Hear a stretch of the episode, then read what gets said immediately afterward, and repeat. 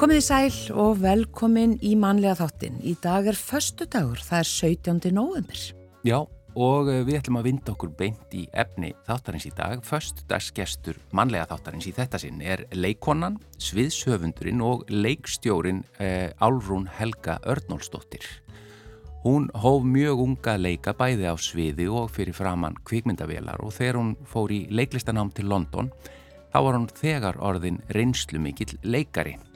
Hún hefur leikið víða eftir útskrift en ferillennar hefur tekið áhugaverðar beigur undanfærin ár þar sem að leikstjórnin og kvikmyndagerðin hafa tekið sífælt meira pláss í hennar lífi. Eins og hún orðar það sjálf þá gerðist það nánast óvart að hún fór að leikstýra í leikhúsi.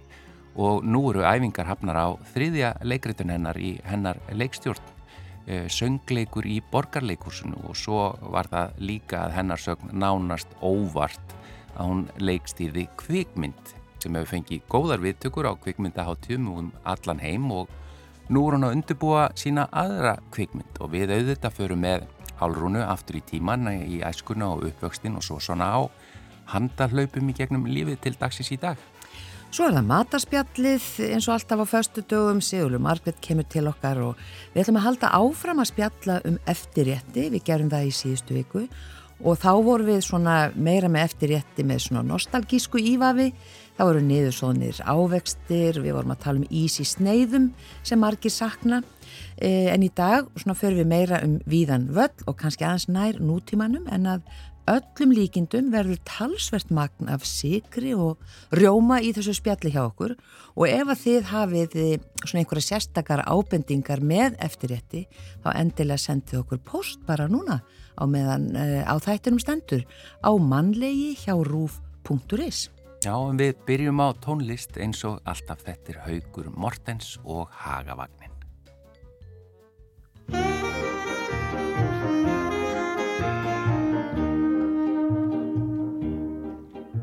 Stúlkan mín á heima vestri högum, hún er í búði laugafög. Miði veði ótal ástar sögum, engin veit það betur en ég. Babydoll hún selur og nælon sokka og sjálfum nætur klæðist við. Í rauðu hári hefur hún hvita lokka og hún er sætið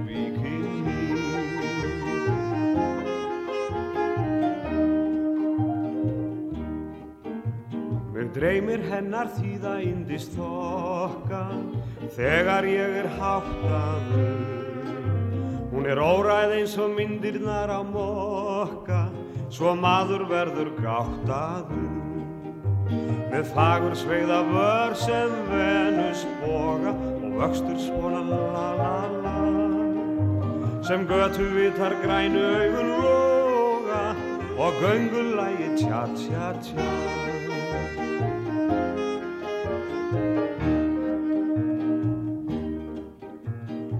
Næfur þunnum náttjólum hún klæðist, svo næstum sést þar allt í gjörn. Til hennar hverju nóttu hugur læðist, því einlífið er mér um öll. Með henni er ég alltaf einhvern veginn, óstyrkur og skortir maður. Hanna sætti leiði laugan veginn, við laugumst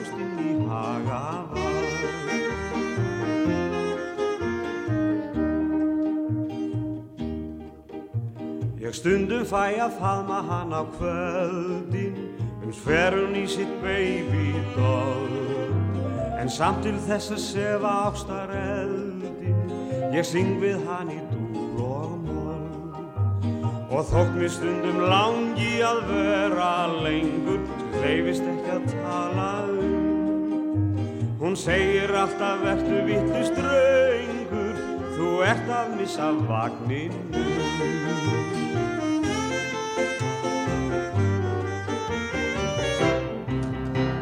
Með hagavagni held ég burtu síðan, já held þá í mitt kalda ból.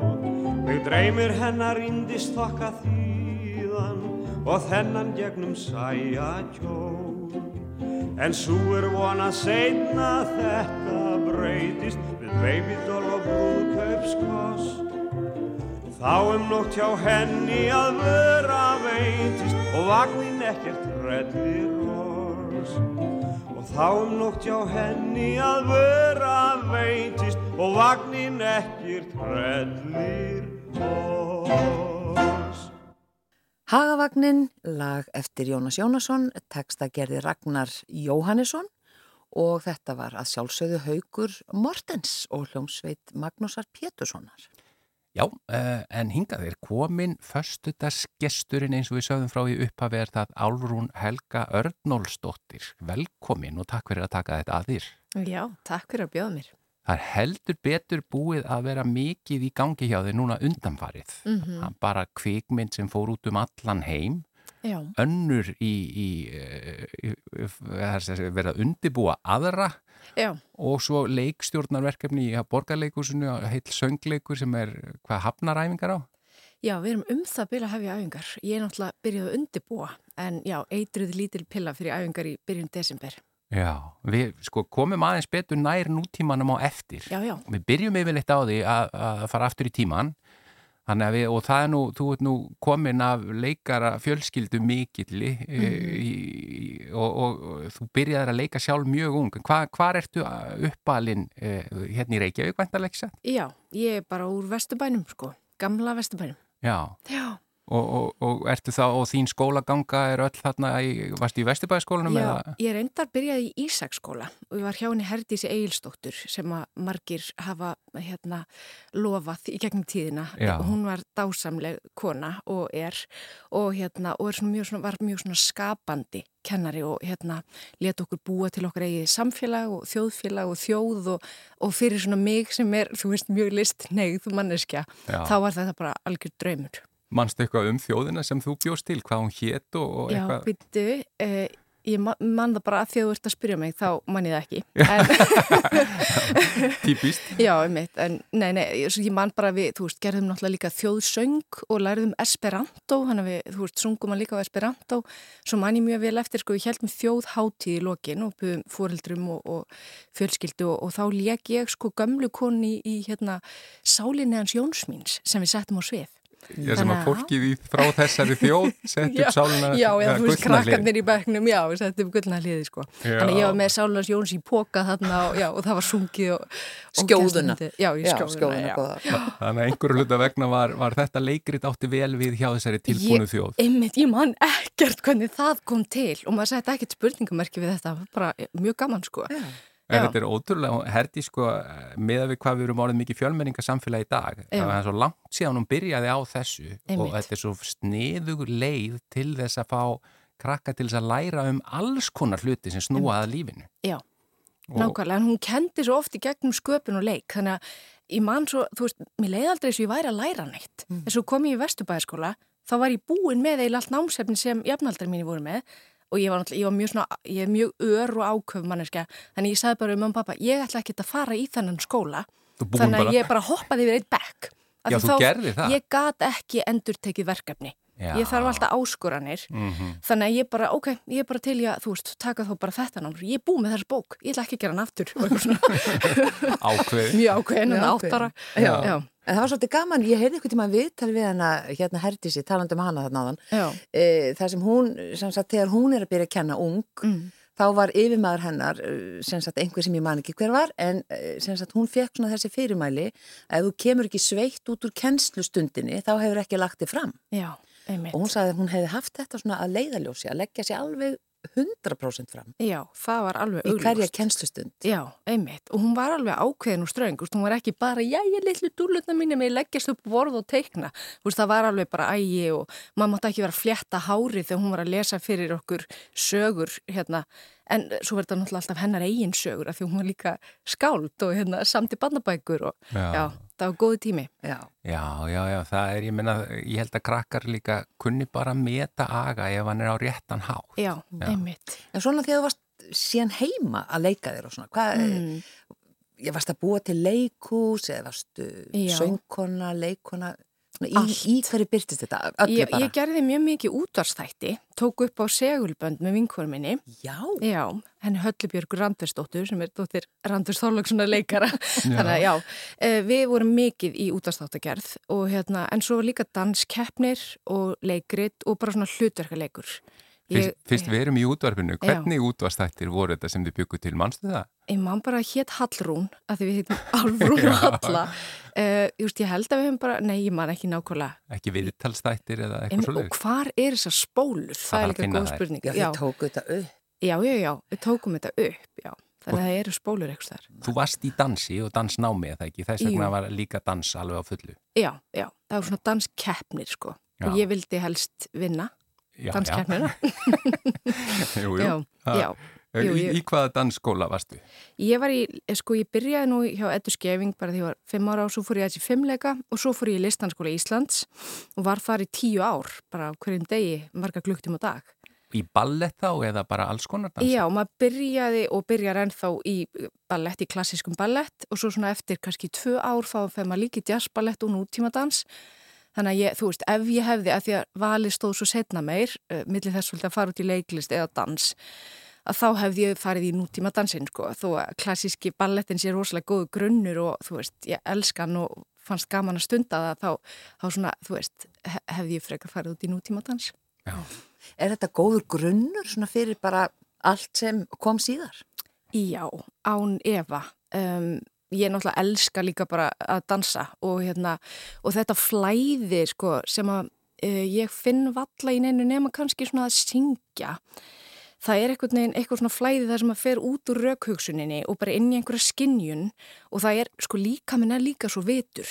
Þannig að það er alls konar eitthvað neginn held ég sem að nær bara að vinna úr og bara finna einhvers, einhvers konar channel, hvað segir maður í íslensku, svona eins og braut. braut fyrir alls konar hluti í gegnum tólkun, gegnum líkama. Allavega ég upplifaði þannig fyrir utan bara allan agan og félagskapin og, og, og svo er þetta, fyrir mér er listin svolítið svona eins og stór leikvöllur og þú veist, hvað sem ég er að skrifa eða þú veist, búið til músík eða leikhús eða dans, þá, þá ertu eitthvað neginn, já, það er bara í hvað miðli viltu vinna. Þannig að dansin er bara frábær grunnur og yndislega skemmtun og, og bara gott fyrir líkamann líka. Mm, akkurat, eitthvað sem að býra af. Já. Já. Og, og þú varst ekki bara að leika í Ísaskóla, heldur þú varst farin að leika mjög ung eða ekki bara alls konar atvinnuverkefnum? Jú, ég var sjú ára því ég byrjaði í óvitum í þjóðlikursinu. Já. Og svo var ég, ég leik ömmuna, þannig að ég var yngst. Sú yngsta, já, já, já. Og svo bara held þetta svolítið áfram um, að því kannski ég gætt sungið og dansað og eitthvað svona og bara er eins og þú segir af leikúsfólki þannig að maður, veist, ég, fyrsta minning mín úr leikús er frá því ég var svona tveggjára. Lína langsökkur í þjóðlíkusinu. Eh, ég, ég held ég hafi verið svona rúmlega tveggjára sko.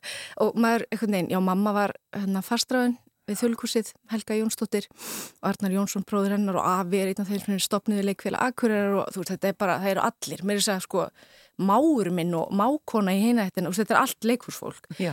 þannig að það hefði bara verið skrítið að maður hefði orðið eitthvað annað en já, þannig að ég var farin að suðum að fá að leika mjög snemma og hérna, og var bara einhvern veginn elskaðið um leið og ég fekk að gera það og svo bara held áfram Já, þú varst ekki bara grepin inn á svið, heldur þú söðaðir um að fá að komast? Já, en svo oft er sko með leikara þeir þráða ekkit endilega að börnin sín fari í þetta af því þetta er rosa mikið hark eins og þið vitið Jú, jú. um, og svona, þú veist, hérna óheppilegu vinnutími og maður kemst ekki ammali og þú ert á skýði og eitthvað því maður er að vinna um helgar En frábær laun.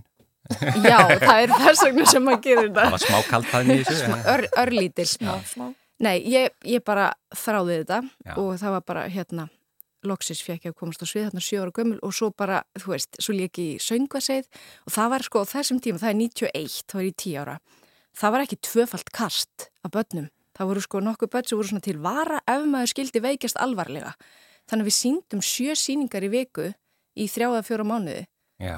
bara þú veist, alla daga nema mánudaskvöldi eða eitthvað og ég man á síðust síningunni að ég grét og grét og grét að þetta væri búið Nú, þú varst ekki búin að fá nóg. Nei, bara Nú, nú. hvað er að manni? Vílíkt álag. Já, þetta er rosalegt álag en já, það henda mér ágætlega mér fannst það maður geggjað Já, Svo leggstu bara aðal hlutverk í kvikmynd í fullri lengd. Hvað varstu gömur? já, það var líka 91, það var í 10 ára Já. A, Já. Svo á, jör, nei, hvað heitir Já, hann aftur? svo gjörðu sem á heimni Já. Eftir Kristínu Jóhannesdóttur. Já, mjög eftirminnilegt hlutverk. Já, og ekkit svona batna hlutverk, Nei, þú veist, þetta er alveg fullorðins mynd. Alveg, já. já. Hvernig var svo reynsla? Sko, ég, mitt, þegar ég hugsaði tilbaka, þá leið mér ekki eins og ég væri barn, en kannski að ég var sko östfjörðum í tvo mánuði í heilt sömar bara með fullorðinu fólki og var að leika bara, þú veist, stúlku þarna á fjórtándu öld í einhverjum svona förðulegum, þú veist, klæðum og bara, þú veist, þetta er einhverjum svona vikingatími þannig að mér, mér leið bara eins og ég væri bara, þú veist, fullanum manneski vinnunni og það var komið líka fram með mig bara einhvern veginn þannig, mm. ég tók þetta bara mjög alvarlega yeah.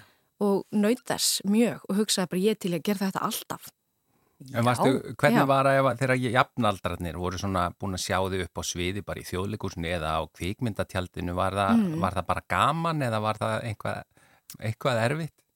Já, það var alveg stundum gaman, þú veist, að því að, þú veist, sumir vildu vera með manni. já, þetta var cool. Eða vildu kynnast manni, já. En svo verður það flóknara svona þegar maður fer að nálgast unglingsaldurinn. Já. Það var svona, eh, þú veist, allt í nær maður kannski ekki í skólanum í tvo mánu, kemur með raukt hár tilbaka um, og það er svona, þú veist, það er alveg einhverjir sem höfnuðu manni örlítið bara, já, já, já, já, þetta er flókið. já, þetta er alveg flókið. Og, mhm. hérna, og maður skilur ekkit alveg hvað er í gangi.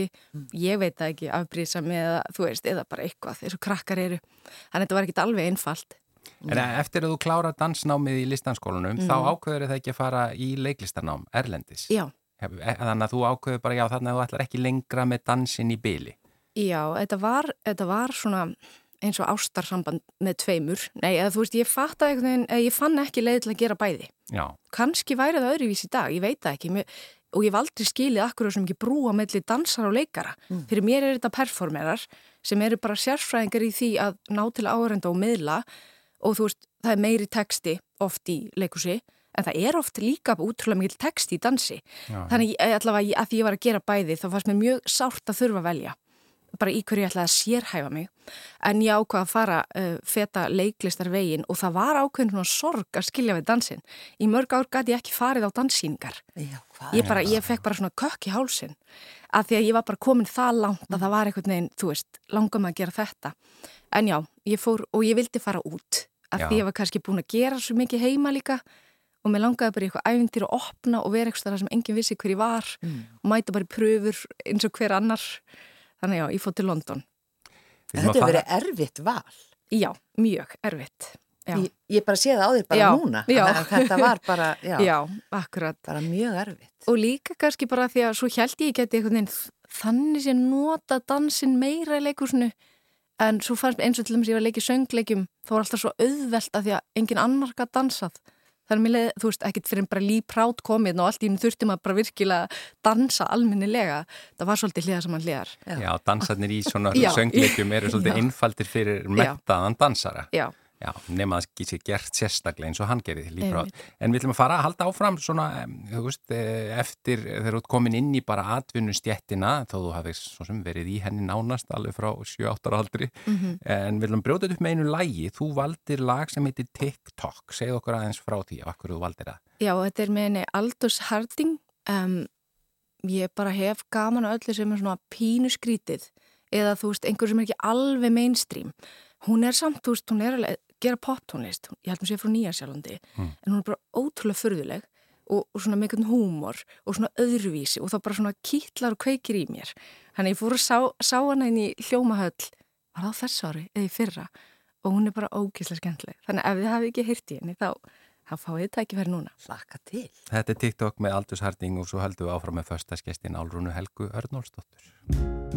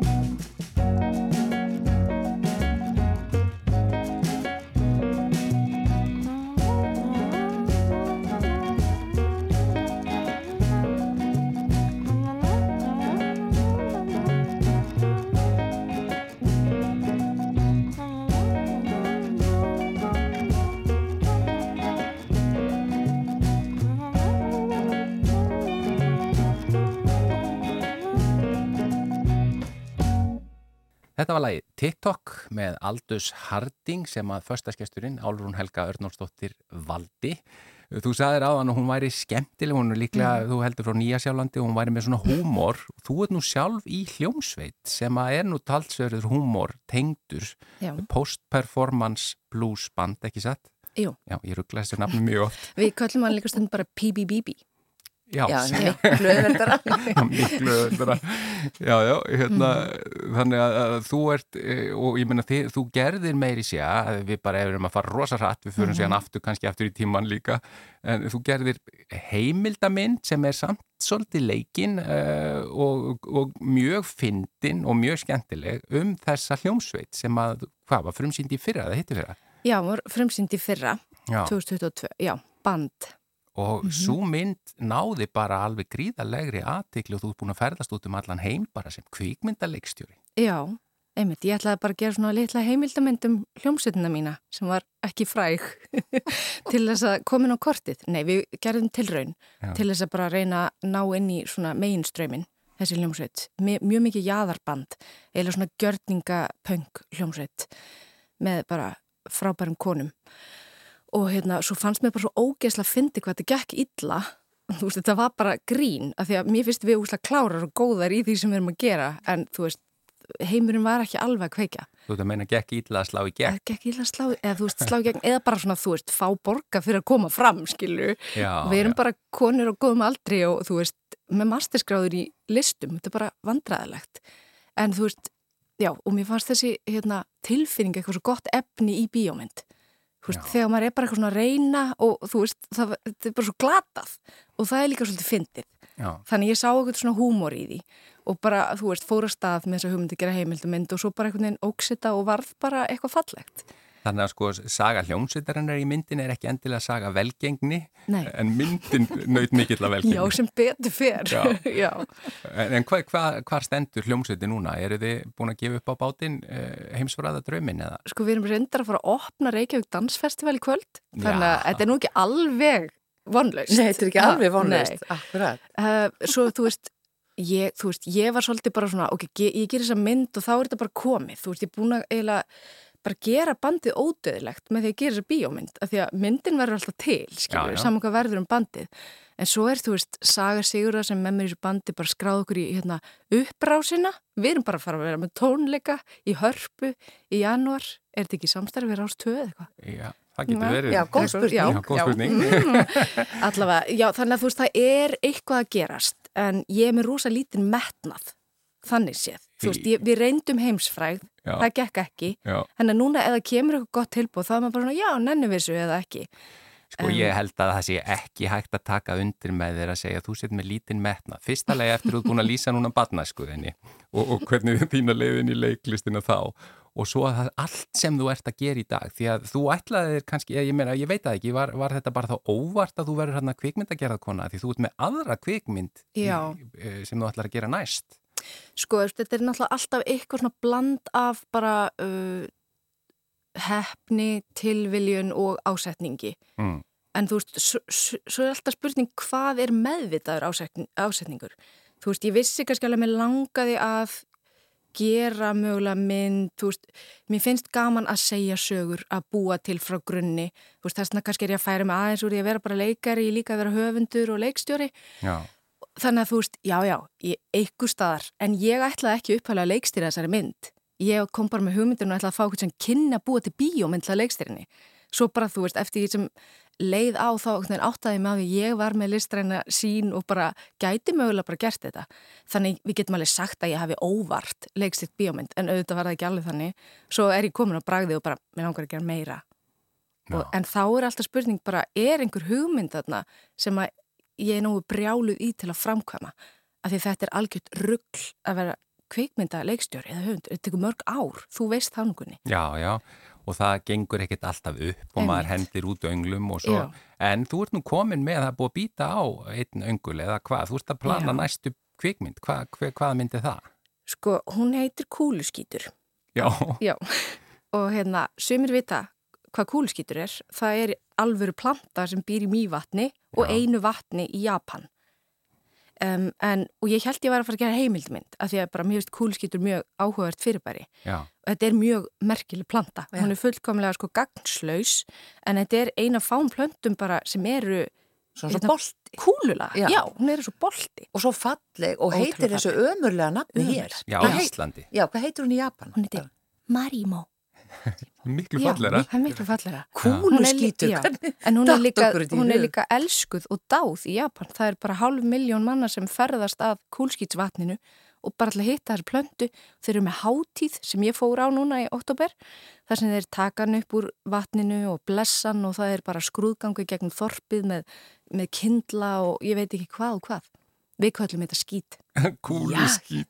Já, Já. það er ekki látið jafn mikið með þetta hér kannski, Nei. Bara ekki neitt, kannski sóknarfæri. Já, mögulega. Ég ætla allavega að gera bíómynd um þessa plöntu en þetta er samt leikinmynd. Já, Já. Og, og, og það er orðið þannig að þú ert bara að skrifa þá, þetta, þetta átt að vera heimildamind, en þú ert bara að skrifa þá heilt handrit. Já, þú veist, uppálega hugmyndin held ég að þetta væri heimildamind svo því ég byrjaði að skrifa þá fannst mér bara að kom varð til persóna sem að elskar kúlskít og ætlar að bjargonum frá dauða og, hérna, og þá bara skrifaði ég, ég er búin að skrifa handriti sko, það er bara, þetta er bara allt í, Já. á lokamyndur segi ég, okkur vantar bara stóran styrk frá kvikmyndaminnstu og Já, aftur Vá, set ég myndi styrkja þetta. Þetta, þetta geti farið bara um viðan völl, sko. Já. Það sér alveg, já. Mm. sér Af- Aftur set ég spurningum ekki við, alþjóðlegt við samhengi þarna. metnaðaleysi þitt. já, einmitt. Nei, nei, jú, jú, ég er alveg með metna en þú veist, ég er líka bara að leika mér, skilju. En, en eitt er Er bara þetta lokum með- gamanmynd, bara rétt? Þetta er gaman Já, mynd, ég heyri það bara. Þetta er gamanmynd en samtalið með alvöru dramatískum undirtóni, sko. Mm. En er eh, bara að alveg- lokum með kúluskítin, get, getur maður, getur maður keift kúluskít og sett í vassbúr hjá sér eða má það ekki? Sko, þú mátt ekki kaupa, sko, kúluskítur eins og japanarnir sem þeir kalla þennan hennar Marimo og Já. kúluskít. Já. Það er bara þessi tvö vötn. Mhm. Það, hann er sko fríðaður í Japan, hann má ekki taka neitt úr vatninu, nefn bara til að rannsaka hann. En, en maður getur keift samt kúlskít sem er bara svona litlir kúlskítar sem eru frá þá Sýberju af því þetta finnst í svona öðrum vötnum en þeir verði ekki svona stórir nema á mývatni og já. í Japan. mm Áhugaverð. Já, en ég samt, ég kifti einn sko í Japan daginn, tók með mér heim. Já? Ekki segja neina. Nei, nei, Nei, nei. nei, það heyrir þetta enginn. Einmitt. En, en sko, þú ert auðvitað leikonu og þú ert búin að leika fullt. En þú ert, svo er, svo er ekki bara kvikmynda leikstjóru og kvikmyndagerða kona, heldur þú ert líka búin að vera leikstýra í leikhúsi. Hvernig kom það upp? Já, það var líka óvart.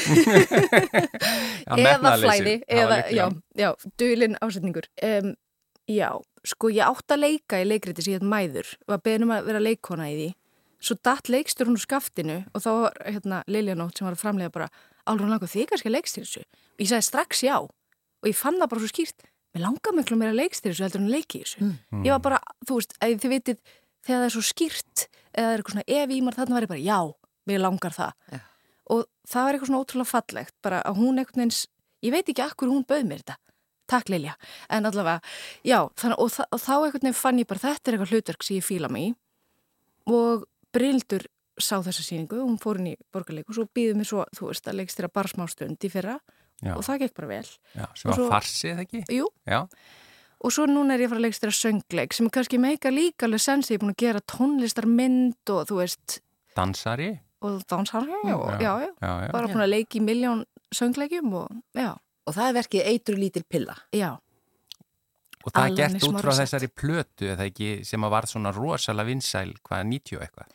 95 kemur Jagged Little Pill út í bandaríkanum Já. og ég held hún sé ennþá bara eitthvað sölu kven, eh, plata eða rockplata eða eitthvað í bandaríkanum Já. Já, já. uh, allavega sem kona hefur gert uh, ég var þú veist 14 eða 15 þegar hún kemur út ég man alveg eftir mér að kaupa þessa plötu í skífunni, ég er ekki að grínast og hún var bara á repeat Hún hitti beint í mark. beint í mark, já Og hva, um hvað er söngleikurinn? Er það, skrifar hún Alasin, Alanis hann, hann eða? Nei, Diablo Cody er einmitt kvikmynda hérna handritsjöfundur, hún Mhm. skrifaði Juno sem ég held að hafi með sem fengi í Óskarsvelin Já, ég held að það sé rétt. Já. Eftir þeirri mynd. en hún var beðin um að skrifa eh, leikritið sem sagt um, en Alanis er alveg bara mjög mikið inn í þessu kreatífa ferli og það er magnað hvernig henni tekst að skrifa sögu sem er ekki bara tengja saman lög af þessari plötu af því þetta er náttúrulega bara plata því þetta er bara ólík lög.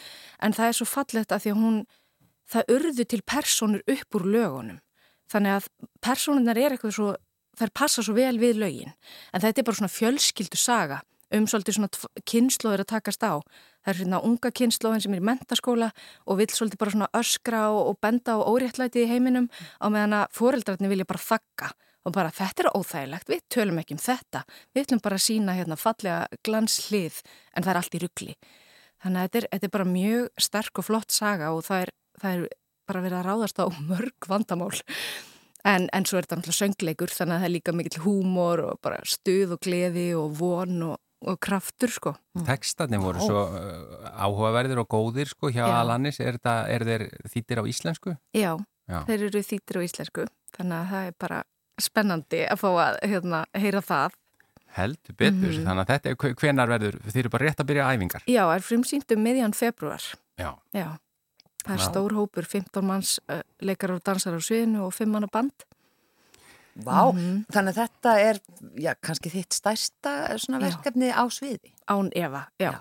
já þetta er risastórt þá ánú bara ágjörlega við að enda þetta viðtal við þig Álrún Helga Örnósdóttir uh, með lægi af þessari plötu sem Alanis Morissette syngur sjálf Já. Forgiven uh, hvað, getur satt okkur eitthvað frá því? Akkur þú valdi það? Já, ég þugsaði að þú veist það er svona öðuldara eitthvað kannski á hérna í ríkisútvarpinu að spila eitthvað svona létt og, og, en mér langaði bara því að förstu dagur líka að bara gefa ykkur alveg stórt dramatíslag og ég bara mann hvernig mér leið því ég hlusta á það þegar ég var 15 ára skilur þetta er bara geðveikt. Og blötu Já. Álurún Helga Örnórsdóttir þakka þér innilega fyrir að vera förstaskesstu manlega þáttarins í þetta sinn. Takk fyrir mig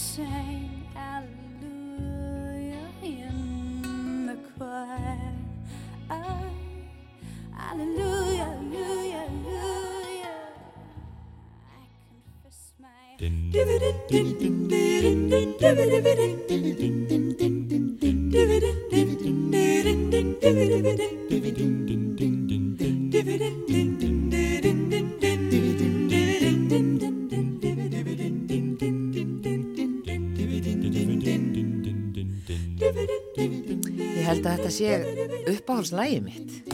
Þetta uppáfstef matarspjálsins Þetta er bara einhvern veginn já, það er bara fylgjaði góða tilfinningar. Já, ég vissum að þarna það séu hlustendur út í bæ líka sem eru núna að kinga kolli sko. Já, en á þessum förstu degi ætlum við í matarspjallinu með Sigurlegu Margreti sem hingaði þessi náttúrulega komin að eh, halda áfram að tala um eftirrétti, við vorum að tala um þá í síðustu viku og þá voru þeir svona meira svona þessir gömlu tengtil nostalgíunni, hvað við fengum þegar við vorum börn, eh, koktelávexti, svona niður svona ávexti með rjóma og eitthvað og það var svona alls konar uh, útfæstur af því. Sneiðar, sneiðar af ís. Með... Sneiðar af ís? Já, það var það. Það er bara, ég fikk mikil viðbröð af margir sem sagði, já, sneiðaður. Þeir eru að fara að hafa sambandið okkur, þetta já, er að verða. Ég held að. Þetta er bara. Hvar er pakkaísin? Mm -hmm. Já, en ég, ég munið að ég ætlaði að láta ykkur, sko, segja ykkur aðeins að betur af þessari aprikósuköku. Já. Já sem er frá Karolínu uh -huh. uh, og hún mun koma, ég ætla að baka hana bráðlega, Já, frá Karolínu. uh, Karolína bjóna til. Ma, maður segir, þú veist, hefur ekki skoðað gamlar svona matrislubækur Já, sem maður skrifa sjálfur, þú veist, og svo stendur eitthvað nafn, Já. þú veist, klesukaka, unnur, af því að unnur gaf mér uppskriftina af klesukökunni. Ég hugsaði bara um Mónakó-prinsessuna. En hvað þetta Já, fallegt? Karolína. Heyrðu, í minni upp- uppskriftabók stendur einmitt súklaðakaka frá Siggu P. Akkurat, akkurat. Þá er þessi, já, og ég er að fara að baka þessa aprikósuköku fyrir Albert Eiríksson, þannig að hérna, hún mun byrtast þar, þannig að, en ekki strax. Sko, þetta er svo frábær kaka, aprikósukakan, það er ein dós niður svona aprikósur, það eru þrjú egg, það er sigur, það er kaltsmjör, ein dós af jógurt, bara hrein, hrein jógurt, hveiti og liftuduft, svo er þetta bara klassíst, svona þeitt saman og blanda hveitinu rólega út í soppuna, soppa, ég elska þetta Soppa, já. So, Soppa. sem er þá hvað, bara Akkurat, blandan. hann veit það ekki. Nei, það er, ekki ekki, það er það. ekki hægt að útskýra Nei, það. er ekki hægt, er bara, þú myndir ekki skilja þetta. Er, það degið þá? Ja, Já, það er bara já, það sem er já. í hræri vel að Já, já, skálinni. Já. En, Jógurtsósan. en Já. þess, kalt smjör. Já, eða þú veist, það brætt Já. og ekki hafa það kallt. Já, já, Nei, ekki hafa það heitt, sko, þegar maður blandar saman, þetta er allt saman, allt svona delikatessen sem að, maður þarf að huga svo mörgu þegar maður bakar. Þetta veist þú, því þú ert bökunar Já, sérfræðingur. mikið. Akkur sagði að hún vissi Af því að ég. þú veist ekki neitt já. um bakstur. Það er rétt. Svo er þessi jógurtsósa sem er svo stórkostleg. Það er sýrður jómi, það er jógurt, það er smá sigur og vanludrópar. Og veitir þessi sósa, hún er stórkostleg. Hæ? Já. Segð þetta aftur. Ég skal gera það. Sýrður jómi, Sýrður jómi, það er 2 dl sýrður jómi, 2 dl jógurt, 2 matskeiða sigur og svo vanludrópar. Ó, já. Eða vanlu sigur. Setur það á kökuna eða Nei, hefur það svo til bara hliðar? skermaður kökun og hefur hann svolítið volga. Já. þú veist og aprikósan er hérna öskrandi á þig og, og hérna svo tekur smá sósu og hellir setur yfir kökuna þá svona lekur niður og er mjög fallegt og alveg ótrúlega góð og maður er mjög fljótur að borðana að því að hún er svo góð og þessir það aðra. Það er mjög góð dómur yfir eftirrétti að maður sé fljótur að borða. Bara fljótur, Já. drífa þetta af. En hvernig gerir hann aftur? Það er þessi soppa sem hún er búin að gera Já. og svo eru þessar aprikósur. bara smyrð formið og svo bara raðar við þessum dásamlegu aprikósum Á kvolf. á kvolf Aha. og svo bara degið yfir, svo inn í, inn í opnin og svo, þú veist, degið, það þekur að ekki þannig að aprikósunar eru svona, Standa upp úr. já, Vá. En Standa upp það er sem sagt bakast með Já, aprikósuna. heitir, Já, já, já, já. já. Mér við koma með þér til Alberts. já, já, hann, hann hefur ykkur samband á eftir, já. En þessi er sérstaklega góður örugglega svona volk. sko. já, Já, akkurat, með já, sósunni. já, en þú ætlar að segja eitthvað, Þetta hljómar vel. Sko mín er nú bara hallarislega með við þetta. Mhm. Ég ætlaði bara fyrir þá sem þurfa að gera eftirrétt með hraði. Þá er franska súkulaðikakan alltaf klassík. já, Og að því hún er svo einföld, þart, þetta er ekkert eitthvað hérna, eggjakvítur og síðan eggjaröður, Mhm. heldur bara egg og sigur sem að þeitir Mhm. og á meðan þá ert að bræða saman súkulaði og smjör. Og ég hef nefnilega gert svona nokkrar variasjónir að ég fekk leið á henni um tíma, þessari fransku. E, Gunnar finnst betri svona fransk súkulakaka sem legur alveg úr í. Já, maður er blöyt í miðin. Já. já, já. Þá akkurat, slepp- borða með skeið, Já, þá sleppir maður þessum einum desilítra af hveiti Já. sem þú getur siktað út í ef þú vilt hafa hana aðeins svona meira massívari ekki svona blöyt uh, svo er, sko hef ég gert variasjónir ég hef notað bara appelsinu súkulaði til dæmis já, og það er hægt að nota 70% súkulaði þá mjög, það svona, kemur mjög djúft súkulaða bragð Mhm. uh, og svona að undanförnu hef ég sett annarkvort konjak eða viski Mm. út í degið, út í soppinu eina flösku. Út í soppinu, nei en bara sko þannig að það verði í munstri yfir, við taka úlendur úlendur Við tökum úlindur stoffa á þetta en, og það verður eitthvað rosa, við, sko, það er ekki mikið vínbrað sem kemur. Nei, þetta er bara eins og svo- drópar nema þetta er bara luxus. Já, og þetta var svona djúft og þetta bara ítir undir súkulaði bræðið. Og þá er eiginlega betra að nota, myndi ég segja, svona til helminga 70% súkulaði og svona venlegt söðu súkulaði. Og svo bara þetta vín.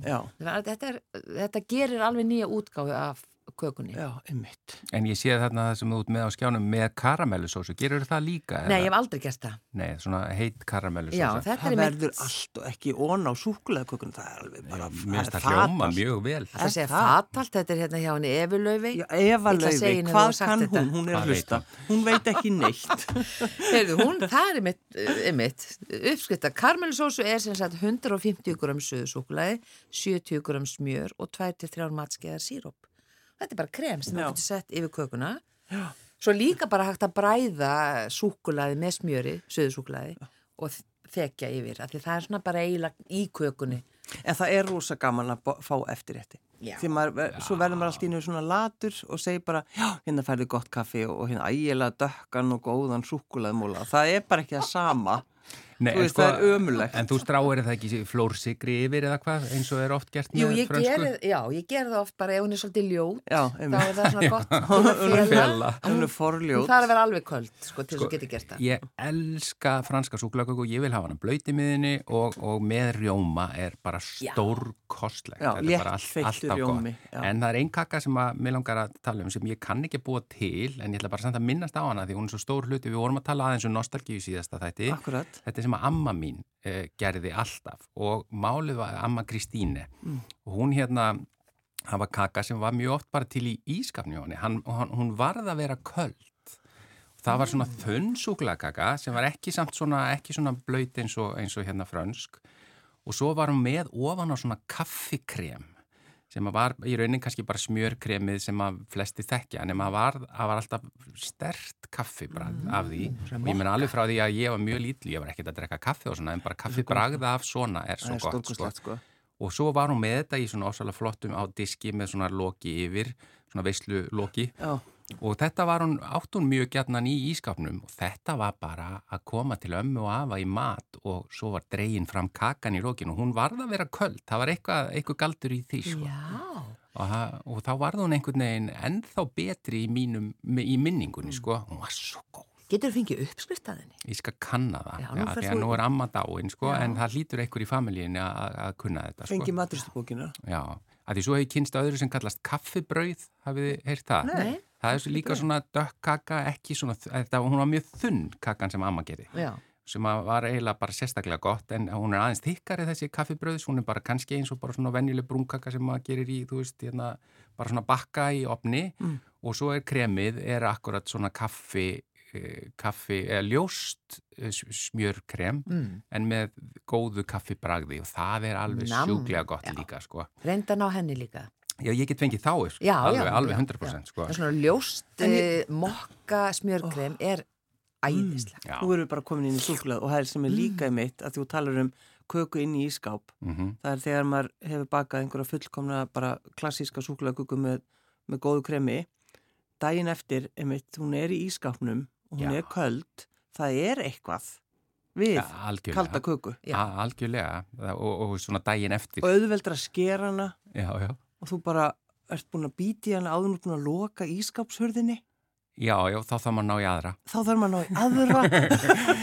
já, en þetta er eins og þú sagðir, að maður er svo fljótur að borða þetta, að þetta er svo gott. Já.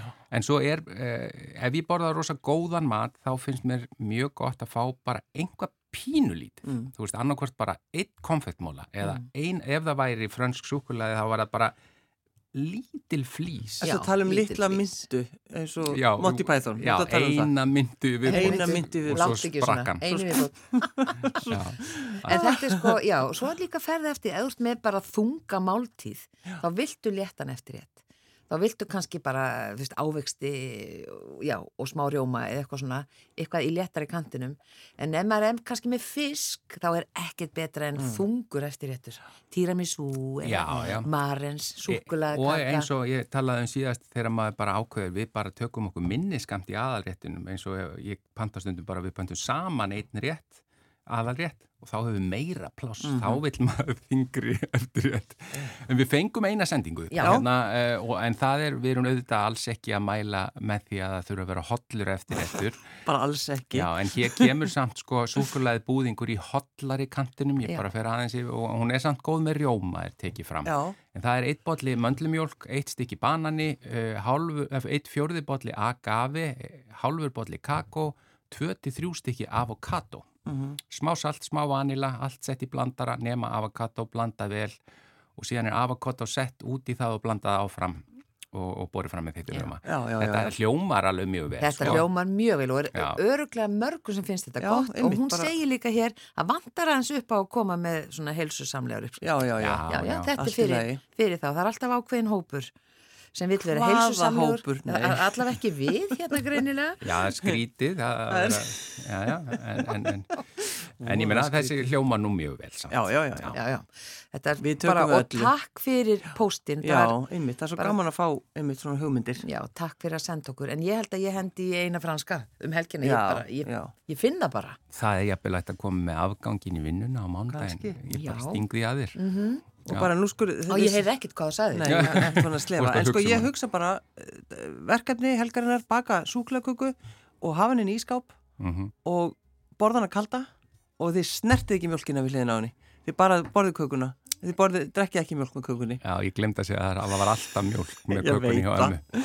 Ég, er bara, ég er alltaf búið mér til eitthvað til þess að rífast um. Ég veit ekki akkur. Já, þú þarft að skoða það. Ég þarf að skoða þetta. Ég þarf að Það fara inn á er við. ótrúlega margir kartmenn sem vilja mjölkuglas. Nei, ég var að ræða það Með aftur. Þetta er bara... Við ég ræðum veit það einhvern tímann alveg sér. Ég er þegar ég var yngri þá bara þambaði ég mjólkuglusin alveg, Ég ég, veit ég það. drekka eiginlega aldrei mjólk í dag sko. Nei, nei, en, ó, ég er svo glöð að við skulum taka mjölkina aðeins inn. Já. Alltaf var það smá. Smá pot. en það er að koma helgi Sigurlu Margrét, þú kveður okkar hlustendur eins og vanalega, gjörðu svo vel Kæru lustendur, góða stundir.